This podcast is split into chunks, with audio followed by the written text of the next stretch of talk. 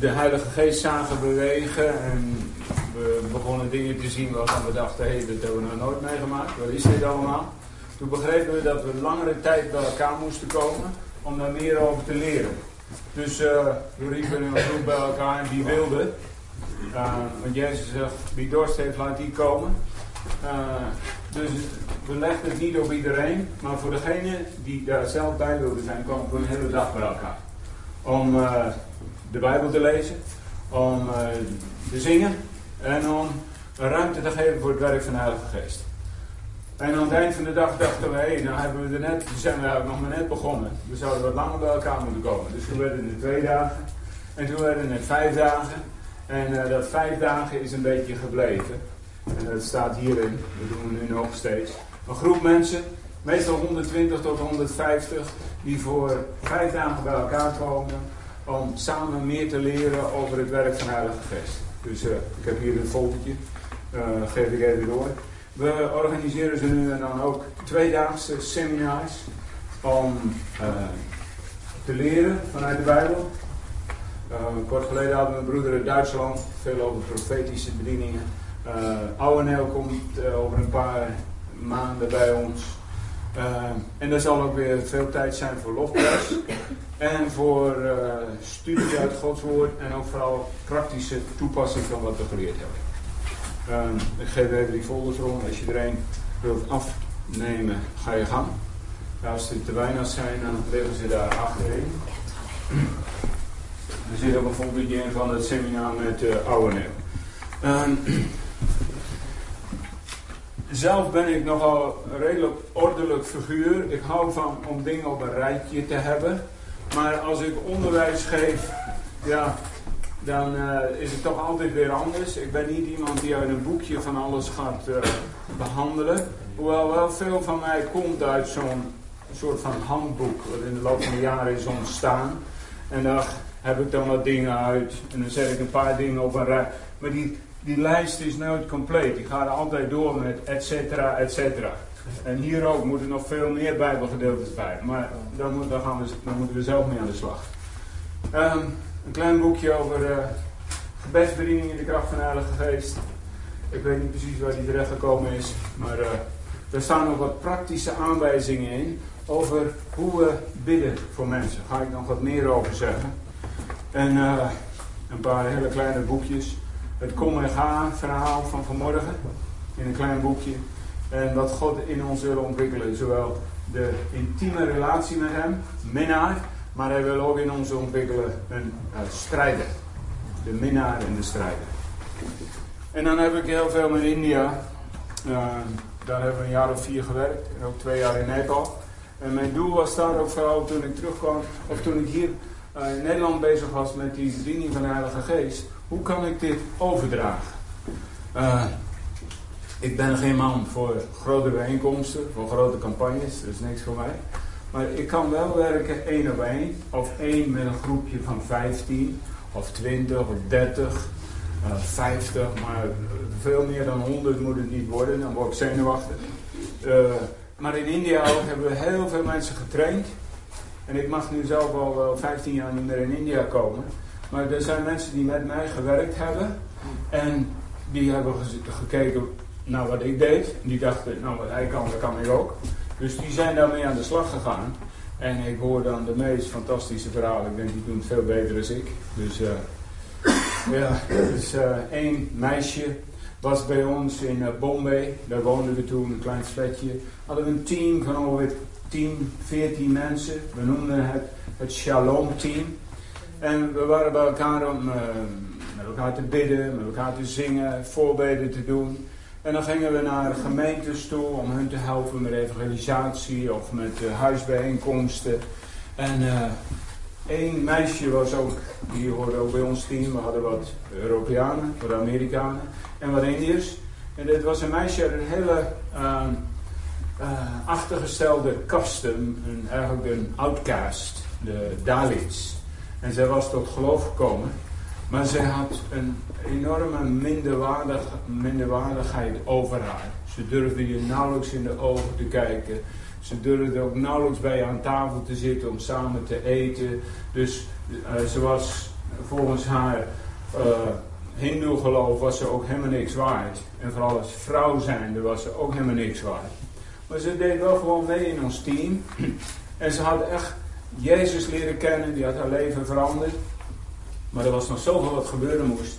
En we hebben heel veel tijd met haar moeten besteden om voor bevrijding te bidden. Van al het spul wat er generaties lang zich had opgestapeld. En dan baden we maar weer voor haar. Sindhu heette ze, maar staat haar naam veranderd naar Rachel. En maar hoesten, en maar hoesten. En dan dit moest gebroken worden, en dit. En zo kwam dat spul er allemaal bij haar uit. Langzaam werd ze ook uh, veranderd, zag je verandering. Maar nog steeds hele lage dunk over zichzelf. Maar uh, ze beginnen met ons team erop uit, naar een huisbijeenkomst. En uh, ik spoorde mijn huis, mijn, mijn mede-teamgenoten ook aan. Jullie bidden ook voor de ziekte. Ik spreek. Sommige anderen gaan we getuigenis. En samen gaan we bidden voor degene die gebed wil. Dus Rachel ook. Die moest wel. Want ik had al gedacht, jij bidt ook. Dus uh, ja, zij dacht, ja, dat, kan ik helemaal niet. En uh, God kan niet door mij werken. Maar toch schoorvoetend legde ze ook een hand op mensen. En de kracht van God raakte mensen aan. Uh, of mensen kregen een visioen. Of zij kregen een visioen. Dus langzaam bouwde haar zelfrespect op. Op zekere dag, toen kregen we een uitnodiging om naar een vrouwengroep te gaan. En uh, we waren voor uitgenodigd. Um, maar ik dacht, we gaan er niet met een groep naartoe. En ik zeg tegen Rachel, jij gaat samen met een ander meisje, ga jij naar die uh, vrouwengroep. Nou, ze viel bijna flauw van, uh, van en paniek dat ze daar naartoe moest. Maar ze zegt, ja, wat moet ik dan zeggen? En ik, ik, weet niet wat ik moet doen. Ik zeg, nou, dan ga je dit doen. Ik zeg, wat is, een, wat, is een, het mooiste gedeelte in de Bijbel wat vooral heel dicht bij je hart ligt? Ja, Psalm 23, oké. Okay. Zeg, ga ik Psalm 23 iets vertellen? Dan ga je je eigen getuigenis geven. En dan doe je hetzelfde wat wij ook altijd doen. Dan zeggen we, nu is het woord geweest, nu de geest. En iedereen die uh, uh, het nodig heeft om door de Heilige Geest aangeraakt te worden, jullie kunnen gaan staan en dan ga je handen op mensen leggen. Dus, zij daar naartoe. En de volgende dag, toen vertelden ze dus wat er gebeurd was. Ik zeg, hoe is het gegaan? Nou, ze was helemaal in de gloria. Zo een fantastische tijd gehad. Ze zeggen, zeg, hoe is het geweest? Dan zeg ik, heb verteld over Psalm 23, mijn eigen getuigenis gegeven. En toen vroeg ik al die vrouwen om te gaan staan als ze gebed wilden. Iedereen wilde gebed natuurlijk. En uh, toen zijn we begonnen mensen de handen op te leggen. En de Heilige Geest raakte mensen aan. Vrouwen die huilden en die riepen. Sommigen vielen om. En daarna hebben we de getuigenissen gehoord. Ze zegt, geweldige dingen die er gebeurd zijn. Dus ze straalde helemaal. Nou, dat verhaal is al 15 jaar oud. Maar zij werkt nu in het noordoosten van India. Samen met haar man. En ze is bezig met gemeentestichting. Uh, wonderen en tekenen die gebeuren. Ze hebben allerlei problemen. Maar de heerlijkheid van God die komt overal waar zij maar naartoe gaan. India adoptieplan. Wij uh, ondersteunen jarenlang dat soort mensen. Die financieel helemaal niks hebben, of bijna niks. En wij helpen ze met een klein bedragje vanuit het westen. Als je in mijn kantoor komt in Ede, dan uh, de één muur hangt helemaal vol met uh, honderden foto's van werkers in India. En Rachel en haar man Dewa, die horen daar ook bij. Wij ondersteunen ze met een klein bedrag per maand. Zijn. Oké, okay, dat ligt allemaal beginds. Nu hebben we het over uh, het gevoelig zijn voor de Heilige Geest. Het samenwerken, aarde en hemel. Daar gaan we zo meteen even op terugkijken naar vanmorgen. Dus daar gaan we nog even wat over zeggen. Maar eerst even dit gedeelte. In Ezekiel. In Ezekiel 37.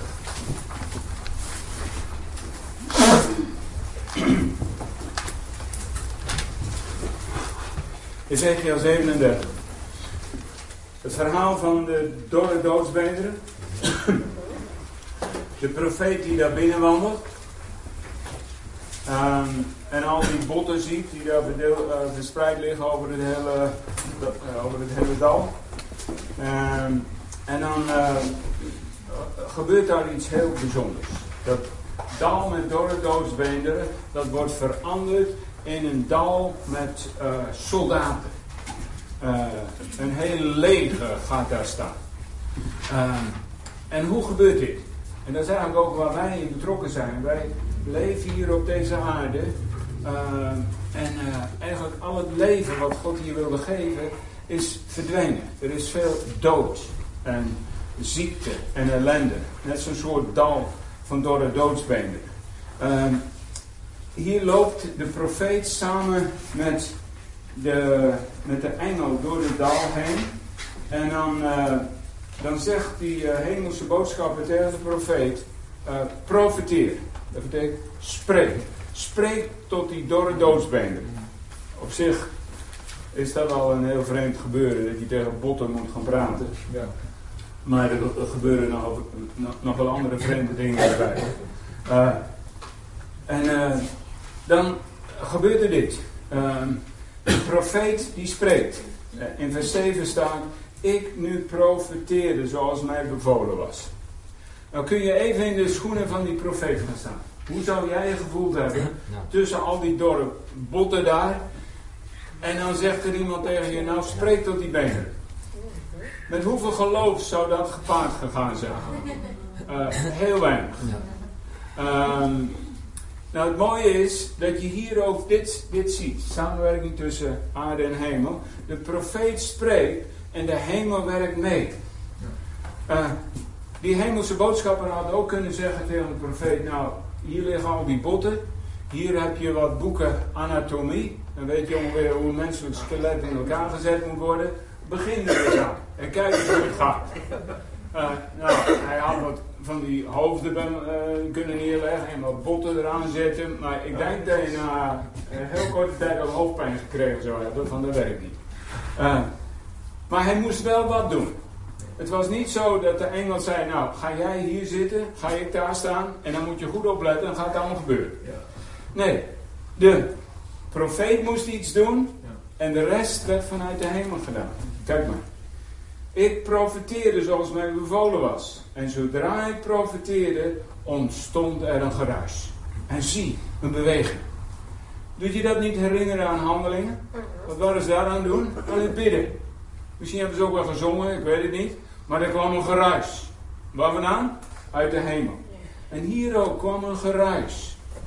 En ik denk dat de profeet gedacht heeft, nee toch? Uh, begon dat hier? Hij sprak en er kwam een beweging en die potten kwamen bij elkaar. en dan uh, in vers 10 herhaalt hetzelfde zich. Toen profeteerde ik zoals hij mij bevolen had. En de geest kwam in hen en zij herleefden. En gingen op hun voeten staan, een geweldig groot leger. Nou, wie had deze verandering bewerkt? Van dode botten naar een krachtig leger. Had God dat alleen gedaan? Nee. Had hij dat gekund? Jawel. Hij schakelt een mens in. Hij zegt tegen de profeet: Jij spreekt. Nou, dan kan dat zich uiten op allerlei verschillende manieren: bidden, geven, dienstbaar zijn, preken, handen opleggen, lofprijs, eh, noem maar op. Maar datgene wat God op ons hart legt, daar beweegt Hij in mee. En hier ontstaat er een geweldig groot leger.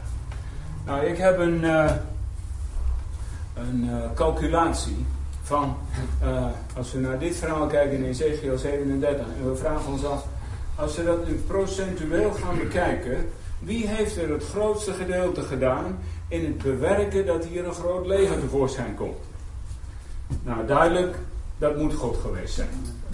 Maar heeft de mens ook wat gedaan? Ja. Hoe zou die verhouding liggen? En zo is het ook met de bediening van de Heilige Geest. Hoe ligt die verhouding tussen wat ik doe en wat God doet?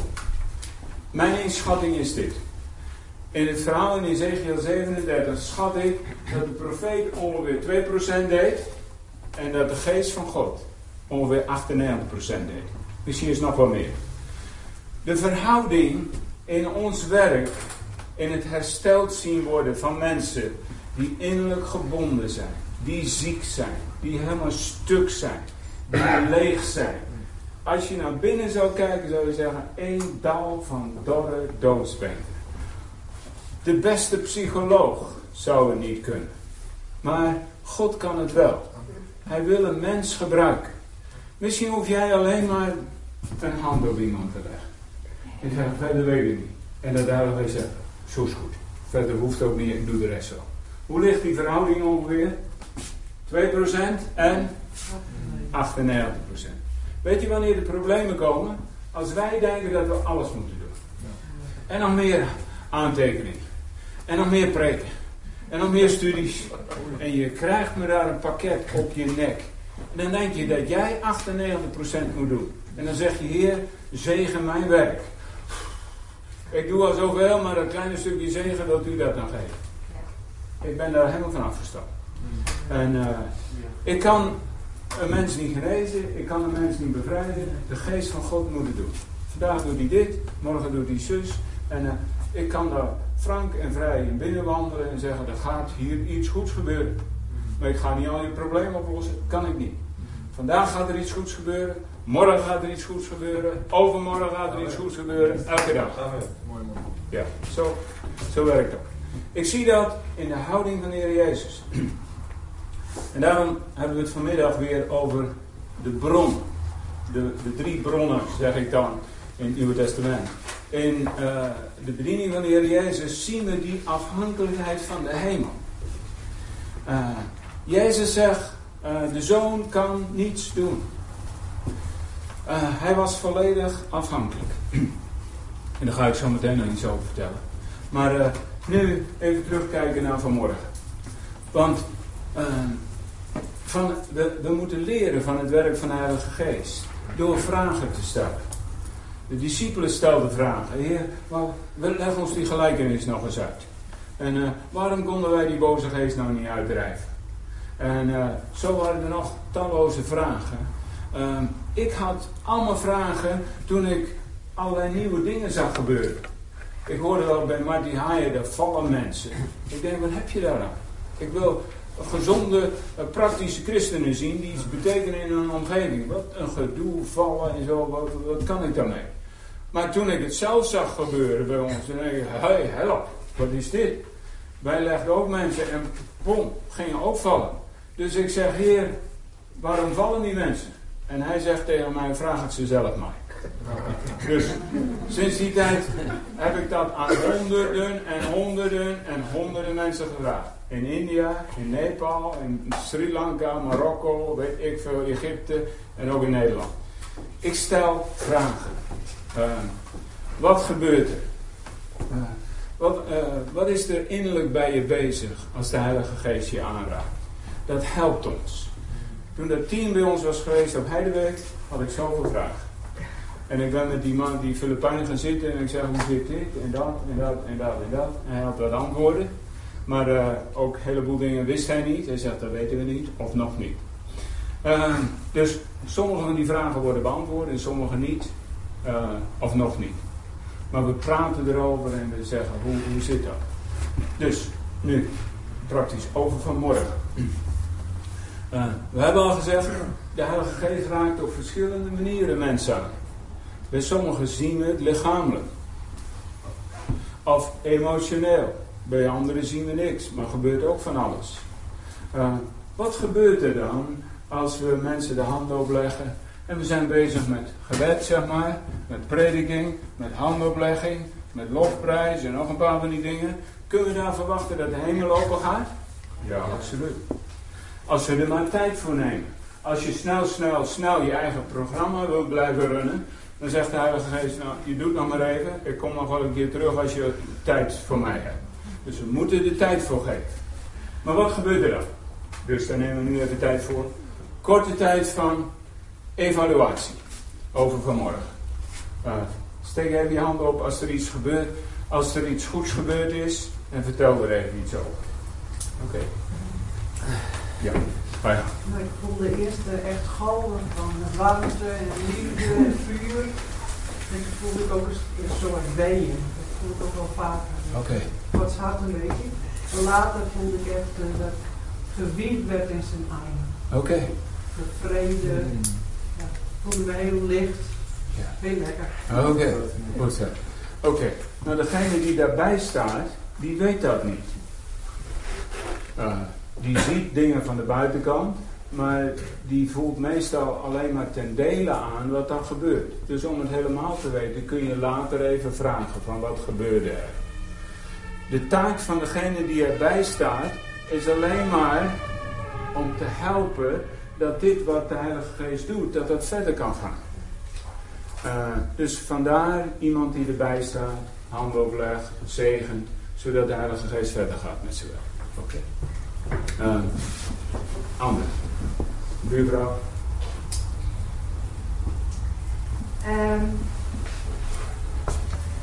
dan, ik had het gevraagd van toon het mij, laat mij voelen. En, nou, het was gewoon zo geweldig dat ik, ik helemaal, helemaal open werd. Okay. En ik heb het wel vaker gehad, ook dus dat uh, iemand gewoon moest bidden. En ik helemaal in de club zat en zo. En uh, nou, dat je dan ook inderdaad, je, je wil het helemaal niet, maar je, je, je, je gaat als een, je, je vliegt gewoon. En, en het is, als je dus dat ervaart, is het uh, zo'n, net als een blije boodschap komt. Oké. Okay. Dat het gewoon geopenbaard wordt. Oké, okay. ja. Je ervoer het ja. van binnen in je hart. Heel erg okay. duidelijk. Ja, oké. Okay. Oké, okay. dankjewel. Nog anderen? Iets willen vertellen over vanmorgen? Ja, ik voel me echt heel in de fik stond. Ja. En dat mijn, dat mijn hoofd, zeg maar, helemaal, dat we het helemaal vasthouden. Dat er een strakke band of zo omheen kwam. Net alsof ik, alsof ik uh, niet bewegen of zo.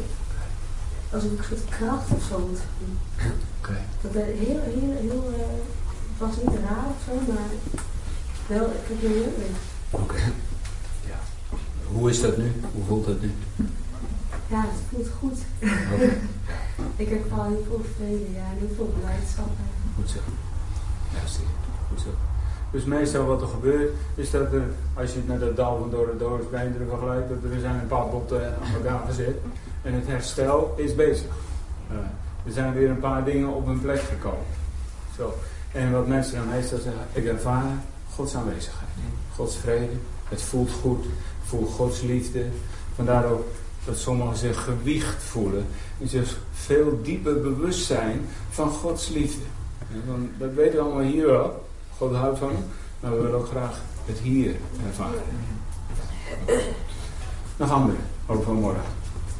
Ik voelde dat uh, enorme vermoeidheid er was van af te nog een half uurtje. En na een half uurtje dacht ik van ik ben helemaal niet meer moe. Oké. Okay. Oké. Okay.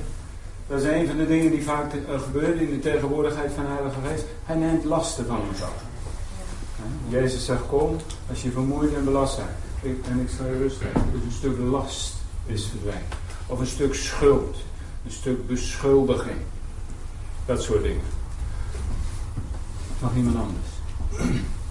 Nou, ik had twee dingen. Toen ik was begon te bidden voor iedereen, toen had ik het gevoel dat mijn handen in de, ja, echt, ja, dat voelde heel vreemd aan. Toen begon ik te tintelen en het was net alsof ze helemaal, uh, ja, begonnen te branden. Ja, en uh, toen agenda, toen ik uh, mijn zegenen was, toen voelde ik echt iets helemaal naar binnen gaan en echt heel diep gaan. Oké. Okay. Ja. Oké. Okay. Prima. Heel goed. We weten niet wat al deze dingen precies betekenen. Dit heeft allemaal te maken met het werk van de Heilige Geest. En, uh, de Heilige Geest, en wij proberen te beschrijven met onze woorden van hoe dat dan precies in zijn werk ging. We weten wel dat handen, dat die belangrijk zijn in het opleggen van handen en het zegenen van mensen. En sommigen beschrijven dan, het is net of er iets in mijn handen lag. Het, mijn handen waren aan het tintelen, mijn handen werden warm. Sommigen zeggen, bij mij gebeurt er helemaal niks. Dat maakt allemaal niet uit. Maar sommigen beschrijven wel wat dingen die op die manier gebeuren. Oké, okay. prima. Ja? Ik wil een vraag eigenlijk stellen, want in hoeverre is het dan belangrijk voor als je degene bent die de handen oplegt, uh, dat je dan in tongen gaat bidden of dat je dan gaat bidden voor die persoon? Of is handoplegging. Ik Ja. weet nooit zo goed wat ik dan. Ja, soms doe ik dingen, soms zeg ik dingen en denk ik, oké, dit moet ik echt zeggen van God. Maar soms dan merk ik aan mezelf, dan ga ik ook bidden omdat ik denk dat het hoort. Ja. Maar in hoeverre is dat zo, zeg maar? Oké, hou het 2%, 98% in gedachten. Dat maakt dat je relaxed bent en dat je denkt, nou God moet dit doen. Ik kan dit niet. Dus dan is het soms al voldoende dat je alleen maar bij iemand staat en dat je die de hand oplegt. Dat je en bewust bent, God is aan het werk. En ik hoef alleen, dit is mijn 2% al. Ja. Ik heb al gedaan wat ik moest doen. Maar eh, wat ook in de praktijk gebeurt, is als je dan bij iemand staat, komen er plotseling wat gedachten bij naar boven. En die spreek je uit. En dat kunnen woorden zijn van wijsheid, woorden van kennis, van profetie. Maar maak het dan niet meer dan dat. Dan hebben wij nog soms de neiging om er nog wat extra bij te doen. Nog en dan heeft de de Heilige Geest weinig ruimte meer. Dan spreek alleen maar uit wat jij op dat moment hebt. En als je niks weet, dat je denkt, ik heb helemaal geen openbaring, dan zeg je gewoon, hier, dank u, ik ben aan werk. En eh, vul deze persoon met liefde, met vrede. Welkom. Of spreek zachtjes in tongen. Als je dat gewend bent. Eh, dus eh, zoveel mogelijk de Heilige Geest ruimte geven om zijn werk te doen. En het helpt eh, personen als er iemand bij hun staat. De aanraking, de handoplegging. Dus het principe wat we ook hanteren is, we gaan hier naartoe, we gaan daar even naartoe, komen nog weer terug bij iemand. Want als ik eh, wegloop bij iemand, dan eh, is het net, eh, is het soms net alsof de persoon of zijn verstand het weer overneemt. En dan gaat hij denken, oh, is dit wel goed wat er met me gebeurt?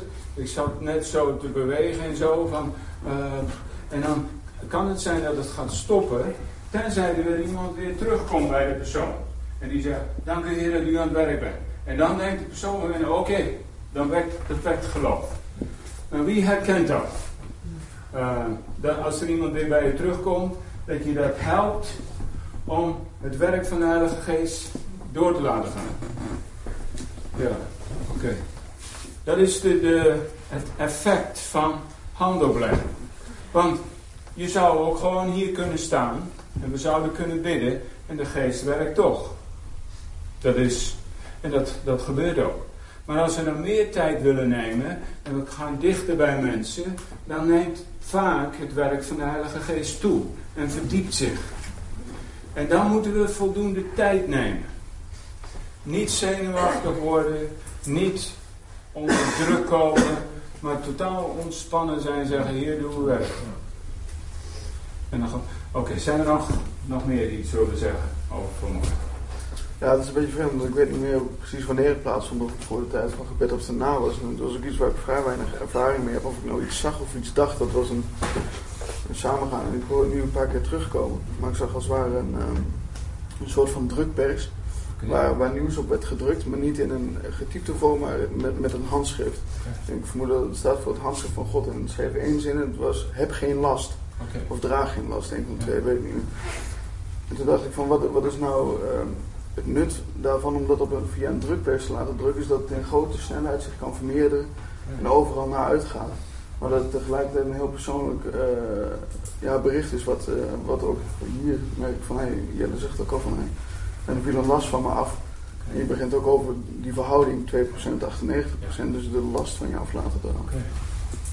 Dat is een mooi woord. Als, eh, en dat gebeurt ook. De Heilige Geest komt en communiceert met ons hart. Hij projecteert dingen in ons verstand of in ons, eh, in ons hart. Die, eh, zoals onze broer hier vertelt, iets over die drukpers en over heb geen last.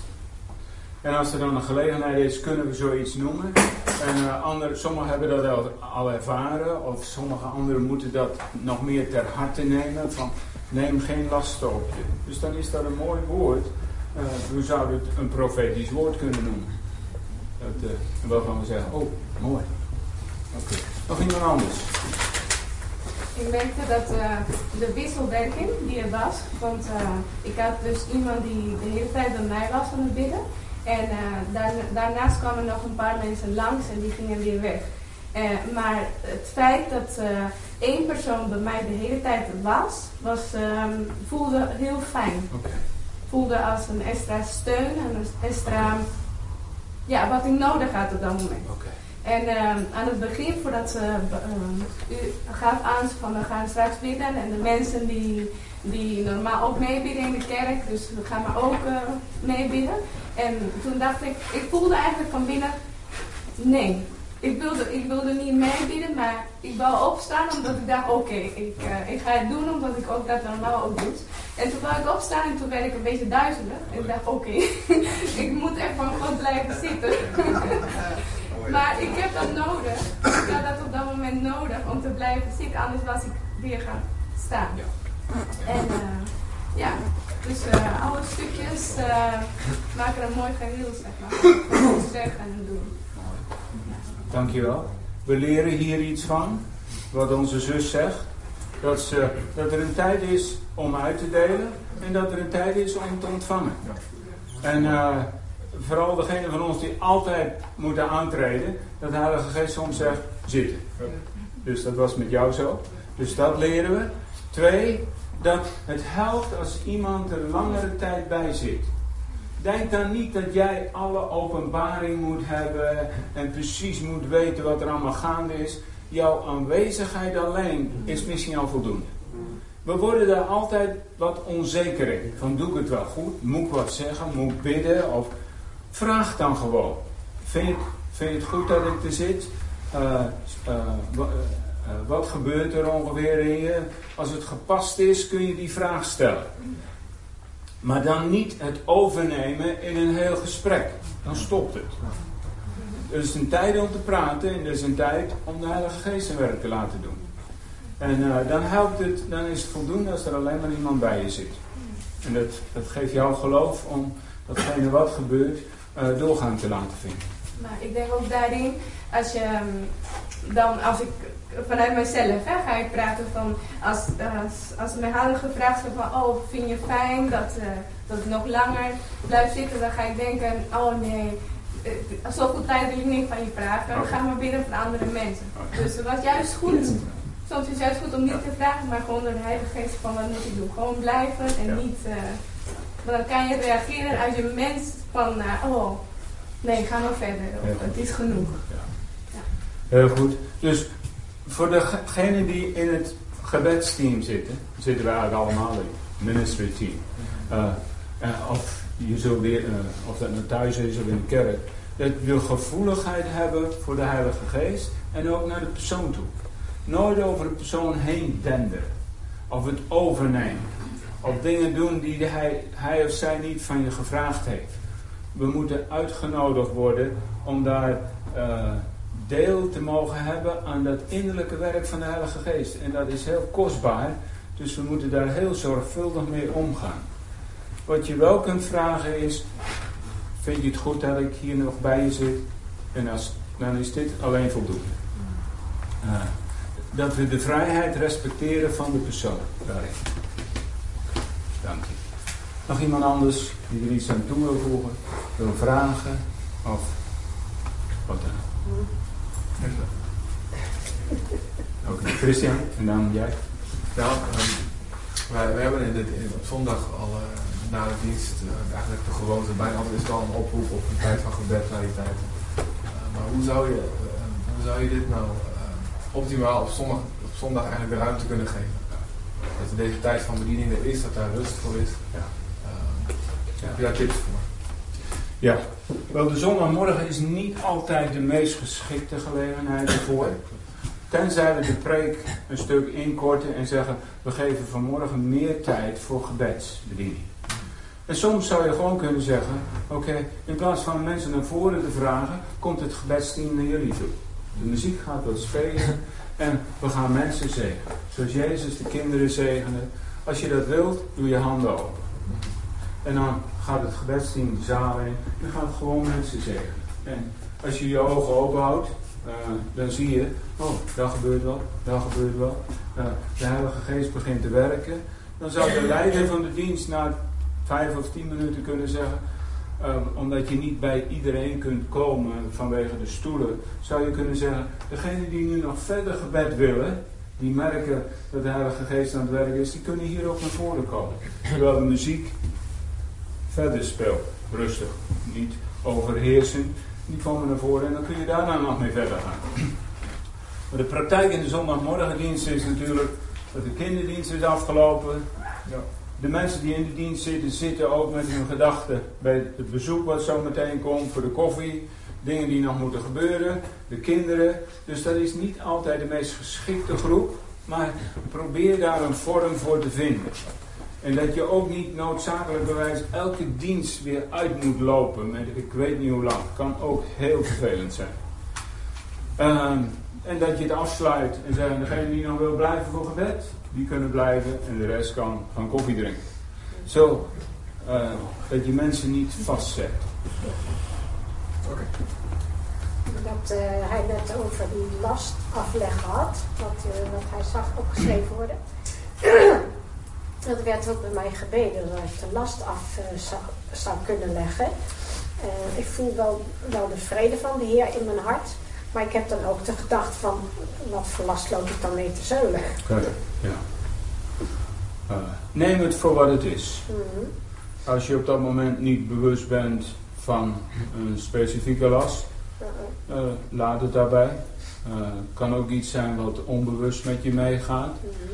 Of kan wezen dat degene die voor je bidt, dat hij het mis heeft. En dat, dat het wel bedoeld is voor anderen, maar niet specifiek voor jouzelf. Ja. Maar het kan wezen dat er wel andere dingen zijn die je af zou moeten leggen, weet je soms niet. Ja. Oké. Ja, ik wil trouwens bevestiging nog wel geven dat ik toen ik hier naar binnen was, eh, ook de bijbeltekst kreeg van uh, kom tot mij al die vermoeid en belast zijt en neem mijn juk op u en mijn juk is zacht en mijn last is licht. Dat was nu wel in het verhaal. Dat bijbelgedeelte, dat kwam in jouw gedachten toen je hier Dat aan binnen was voor mensen, ja. Oké, ja, oké. Oké. Dus soms zie je dan een, een lijn ontstaan van hé, hey, dat is de Heilige Geest aan het doen. Eh, lasten, beschuldigingen neemt hij af van mensen. Er zijn algemene dingen die de Heilige Geest altijd wil doen. Eh, mensen bemoedigen, mensen in contact brengen met de liefde in Gods hart. Zijn vrede geven. Maar soms maakt hij het meer specifiek naar bepaalde dingen toe die spelen. En dat komt dan doordat sommige mensen daar een, eh, een, ge- een gedachte en openbaring over krijgen. Oké, de tijd vliegt. Nog iemand? Die ja, ook mee. Nee, ik was voor mensen aan het bidden. En ik merkte dat ik eh, op een gegeven moment dacht van nou, dat is genoeg. Toch wel stop maar. En het is een paar keer. Maar ik merkte ook dat, eh, dat je op een gegeven moment tegen mij zei, ga maar verder. Dus ik, ik, ik merk dus dat eh, wat ik voor mezelf als gedachte heb, soms is het heel mooi, dan denk ik, daar ga ik op door. Maar dat stopt maar, dat klopt eigenlijk meestal niet. Dat, eh, Dus dat ga ik ook maar afstappen. Dat- Ah, ja. ja. Ja. Wat langer blijven wachten. Wacht op de Heer. Wacht op de Heer. Ja. Niet, niet te s- snel, snel. Tijd nemen. De Heilige Geest wil dieper gaan. We hebben het, Ja. we hebben het, we hebben ook meegemaakt op de herstelconferentie afgelopen zomer. Toen we met een groep zusvanaren, een groot deel van zusvanaren, bij de tieners eh, bezig waren. En ehm, we hadden ook een aantal momenten dat we gingen bidden dan met die tieners. Er kwam zoveel naar boven, zoveel uh, genezing. Wat nog opviel is dat er dingen, heel veel dingen gebeurden bij, bij, bij, die, bij die tieners, ach niet schatjes, ehm, waar, waar, waar onze teamleden echt, echt heel extreem lang bij bleven. En dat was niet altijd nodig, maar bij sommigen, ja, nou ja, ik denk dat we wel, wel een uur of anderhalf uur achter elkaar bij, gewoon bij één persoon bleven. En het ging maar door, het ging maar door en er gebeurde zoveel. Dus dat is wel, ja, ik vind het, en, en ook zonder haast en zonder van, nou, weet je wel, wanneer is nou eens of is nou eens een keer klaar, maar echt met al die rust en dat God dat, dat zo gebruik van maakt. Van, het, van die liefde die zich uit in, in, in, het, in het geduld met iemand, zeg maar. Ik sta naast je, maar jij doet lang duur, weet je wel. Zo- heel, ja, echt ontroerend. dat. Mooi. Eh, het mooie is dan dat eh, als je wat ziet veranderen in die persoon, eh, het brengt je veel dichter bij elkaar. En jij hebt het idee dat jij deel bent geweest van iets wat God in zo'n persoon gedaan heeft. Net als die profeet daar in dat, in dal. Hij wist, dat lag nou niet aan die paar stamelende woorden die hij ging spreken. Maar toch had hij het idee, wauw, ik ben eh, deel van iets groots wat hier gebeurt. En eh, het is het samenwerken tussen hemel en aarde. God en de mens. De geest van God werkt door uh, onvolkomen mensen zoals ons heen. En voor, uh, twee voorbeelden uit de bediening van Jezus. En daar moeten we dan vanmiddag eigenlijk over praten. Dat is de, de belangrijkste bron in het Nieuwe Testament. Is uh, die timmerman uit Nazareth. Waar de Heilige Geest op kwam. En toen barstte daar de hemel los. En de gaven van de Heilige Geest.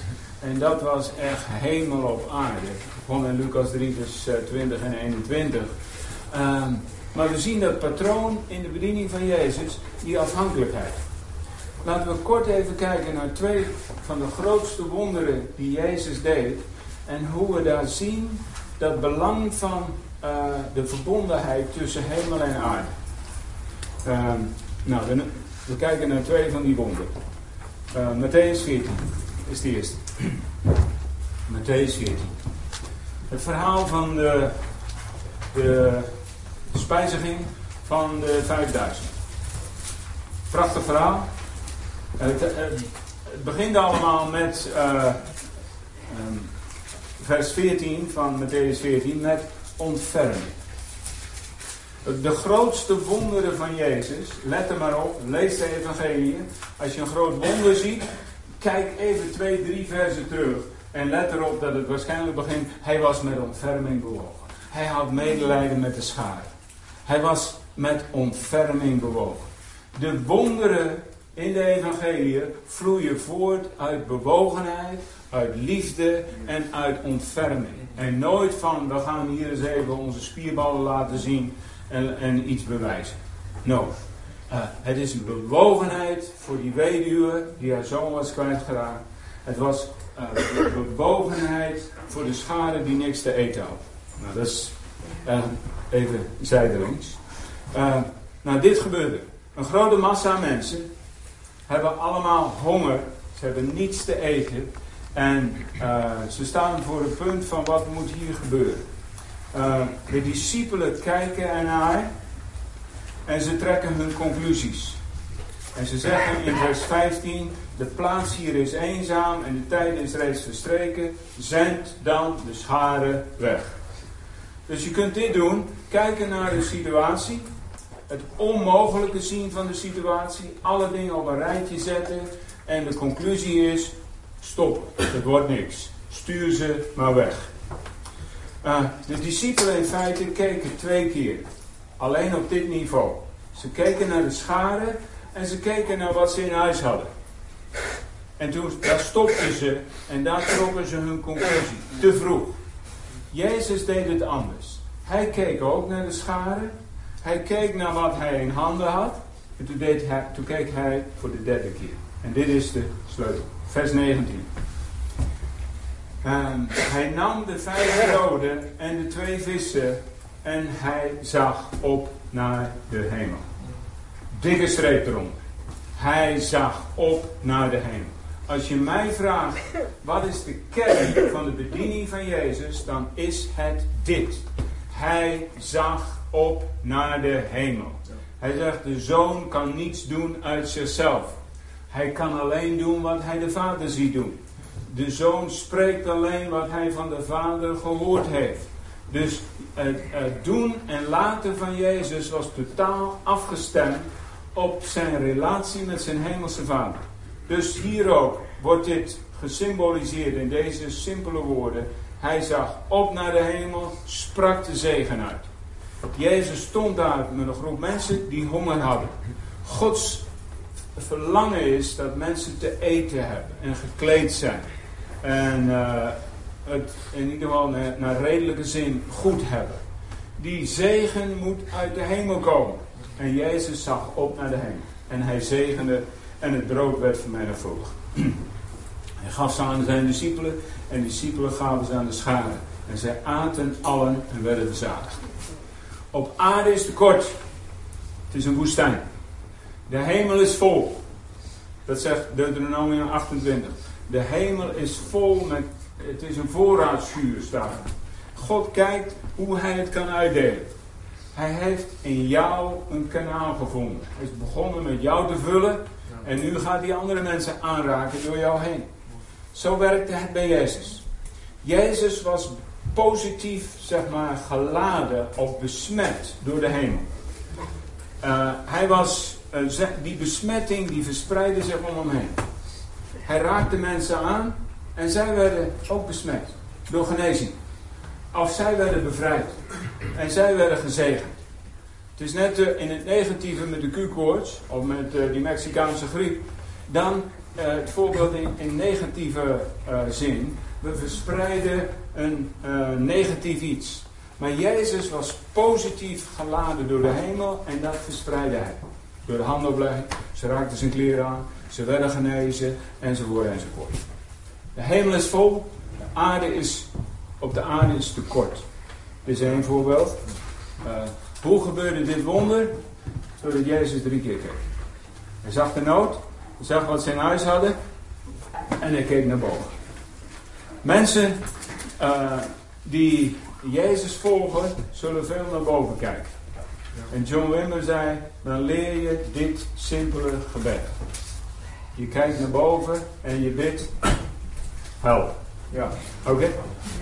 Jullie gemeentesituatie ook. Er zullen altijd tekorten zijn. Er zullen altijd meer problemen zijn dan je kunt oplossen. En het maakt dat je naar boven kijkt. Help. Voorbeeld.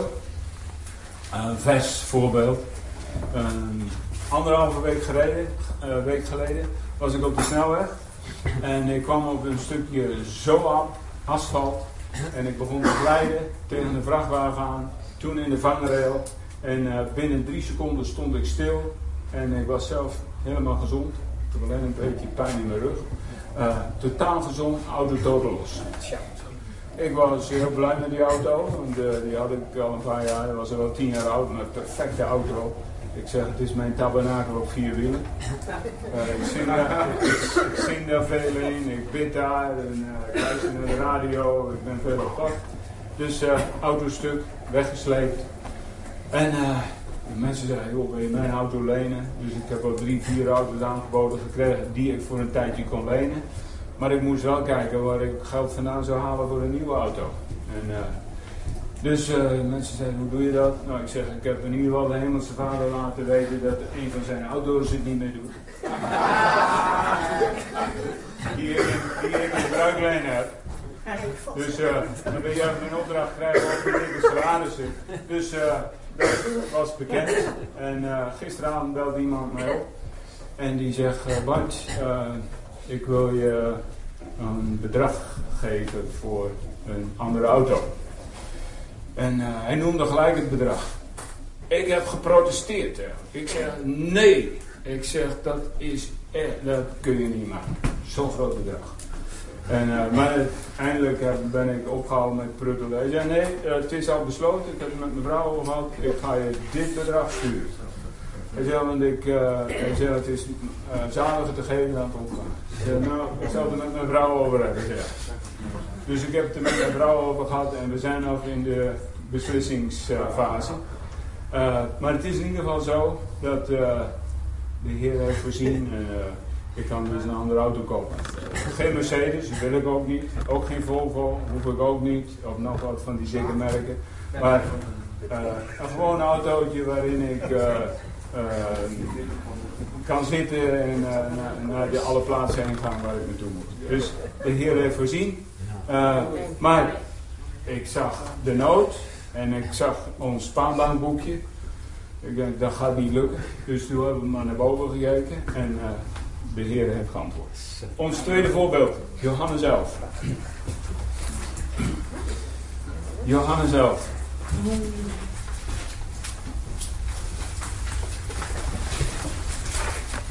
Johannes 11, een tweede grote wonder wat Jezus deed. De opwekking van Lazarus, die vier dagen dood geweest was. Ook hier zie je, zie je dat aspect van bewogenheid. Jezus was verbolgen in de geest, in vers 33, en diep ontroerd. En hier staat het enige vers in de, uh, in de Bijbel waar staat uh, dat Jezus weende. Vers 35. Jezus weende. Dus bij dit wonder ook weer dat aspect van bewogenheid. Soms praten we daar even over met het uh, ministry team. En eh, vaak is het zo als een team aan het bidden is, dat ze de bewogenheid van Jezus voelen. Ik heb zelf een enkele keer, dan sta je daar gewoon te snotteren bij je. En denk je, waarom? Uh, wie, wie kent dat? Ja. Je bent aan het bidden en, en je hart, dat, dat smelt helemaal. En je, sta, je staat er ook te huilen. En uh, dat is de bewogenheid van Jezus. Dat is iets heel moois. Hier staat Jezus weende. Uh, opnieuw in vers 38. Jezus dan wederom bij zichzelf verbolgen ging naar het graf. Hij was helemaal erbij betrokken, emotioneel gezien. Met een mengeling lijkt het van boosheid en verdriet. Ik ken beide in, in, in bediening. Met, met bevrijding heb je soms dat er een boosheid in je wakker wordt tegen demonen en tegenover uh, het rijk van duisternis. Maar ook een bewogenheid uh, van liefde voor mensen die uh, tekort gekomen zijn, die onder de voet gelopen zijn, afgewezen zijn. En je voelt de bewogenheid van de Heilige Geest. Maar hier gaat het ons om. het hele verhaal gaat verder. Het stonk daar. Jezus keek de dood in de ogen. Dal van de doodsbeenderen. En dan uh, ziet Jezus de nood. En dan hij ziet dat Lazarus hier ligt, vier dagen dood. En dan in vers 41, dat is de sleutelvers. Jezus sloeg de ogen opwaarts. Oké, dikke streep eronder. Jezus sloeg de ogen opwaarts. Hij keek naar boven. En hij zei, Vader, ik dank u wel. Onze, roep, onze roeping is om de hemel weer terug te brengen naar de aarde. midden in de dal van Dorre Doodsbenen, midden in deze woestenij, waar geen vrucht meer is, waar geen water is, daar mogen wij het leven van de hemel weer terugbrengen. Is dat niet fantastisch? Het begint bij ons. Zorg dat je hier vol wordt en dan besmet je anderen ermee. Door handoplegging, door te zeggen, ik zegen je, ik bid voor je. Daarmee verspreid je de vruchtbaarheid van de hemel. nog één of twee dingen voordat we even iets in groepjes gaan doen. Nou, diezelfde bediening die Jezus heeft, en daar kun je niet genoeg over lezen, Matthäus, Marcus, Lucas, Johannes, dat is het tekstboek. Hoe deed hij het? Zo moeten wij het ook doen. Uh, bijvoorbeeld in Johannes uh, 17, vers 18. Dat wat Jezus deed, moeten wij ook doen. Dat was voor mij een enorme openbaring. Want voor tijden had ik dat hele aspect van genezing aan de kant gezet. Ik had daar niet zoveel mee. Ik wist niet precies hoe je daarmee om moest gaan. Maar sinds de laatste twintig jaar is dat helemaal centraal gekomen. Genezing van het hart, bevrijding van mensen, herstel van mensen. Dat is centraal in de bediening van Jezus en dat moet het ook bij ons zijn. En uh, eerst zelf hersteld worden, kom, Marcus 3 vers 14 en 15. Hij riep ze zodat ze met hem zouden zijn. In dat proces werden ze hersteld. En dat hij ze zou uitsturen. Uh, ten dele zijn we genezen en bevrijd, maar we mogen al betrokken zijn bij de genezing van anderen. We hoeven niet door een discipelschap van tien jaar voordat je zegt, nou, dan mag jij ook mee gaan doen. Degenen die dat beste doen, dat zijn degenen die net begonnen zijn. Die hebben al een ervaring gehad van de Heilige Geest en dan zeggen wauw, dat is ook veranderd. Dus huppatee, aan de slag. Dan merken ze dat er zelf bij hun ook nog verder wat moet gebeuren. En dat werkt, zo werkt Hier van binnen en vervolgens dragen we het naar anderen. Sorry, weer een zijweg, maar nu hier. 17 vers 18. Uh, hier zegt Jezus in dit gebed. Vader, gelijk gij mij gezonden hebt in de wereld, heb ik ook hen gezonden in de wereld. Zoals Jezus gezonden is in de wereld, zo heeft hij ook de apostelen in de wereld gezonden. Met dezelfde opdracht. Het goede nieuws te verkondigen, mensen genezen te zien worden en mensen tot bevrijding te zien komen. Hetzelfde wordt herhaald in Johannes 20, vers 21. Johannes 20, vers 21. Hier, hier staat, eh, vrede zij u, gelijk de Vader mij gezonden heeft, zend ik ook u. Hier geeft hij de grote opdracht, de zendingsopdracht aan de apostelen en zegt, En hij wist tegen welke groep hij sprak. Zoals de Vader mij gezonden heeft. Drie jaar lang hadden ze dat gezien. Zo stuur ik ook jullie. Ze waren al een paar keer uh, uitgezonden geweest. Maar nu opnieuw stuurt hij ze uit. En dat is onze opdracht. Dat is de opdracht van de kerk. Wat moet de kerk doen? Hetzelfde wat Jezus deed. Uh, en daar moeten we steeds weer op terugkomen. Doen we dat ook? Zoals de Vader mij gezonden heeft, zend ik ook u. Nou, dit was een groepje verslagen apostelen. Die het helemaal verknald hadden. Ongeloof. Uh, ze hadden Jezus verraden, Petrus. Ze waren zo bang geworden. Ze hadden de deuren op slot gedaan. Ze waren helemaal niet klaar om de wereld in te gaan. Ze hadden zich helemaal afgezonden. Jezus zocht hen op. En hij gaf hen de opdracht. Dit is het mooie. Jezus geeft die opdracht aan een groep zwakke mensen. Die daar helemaal niet klaar voor waren, er ook helemaal geen zin in hadden. Uh, die geeft hij de, de meest onmogelijke opdracht. Doe wat ik gedaan heb. Maar dan, uh, dit maakt het verschil uit. En dan zegt hij, hij blies op hen, hij zei, ontvang de Heilige Geest. Dus zwakke mensen, zoals jij en ik, die een onmogelijke opdracht hebben, die steeds naar boven zitten kijken en ogen opge, opgeheven naar de hemel, help.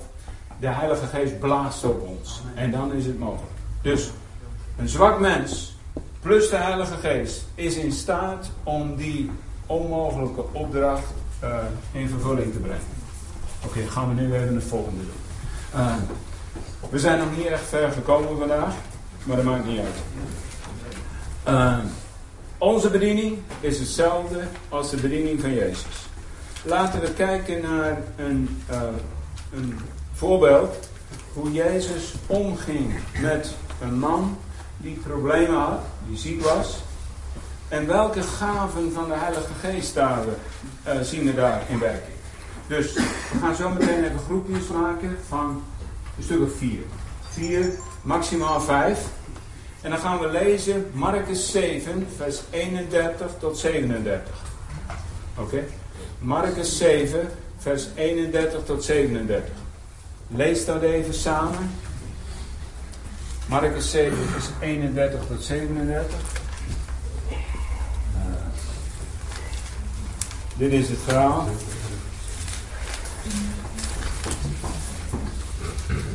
Marcus 7, vers 31 tot 37.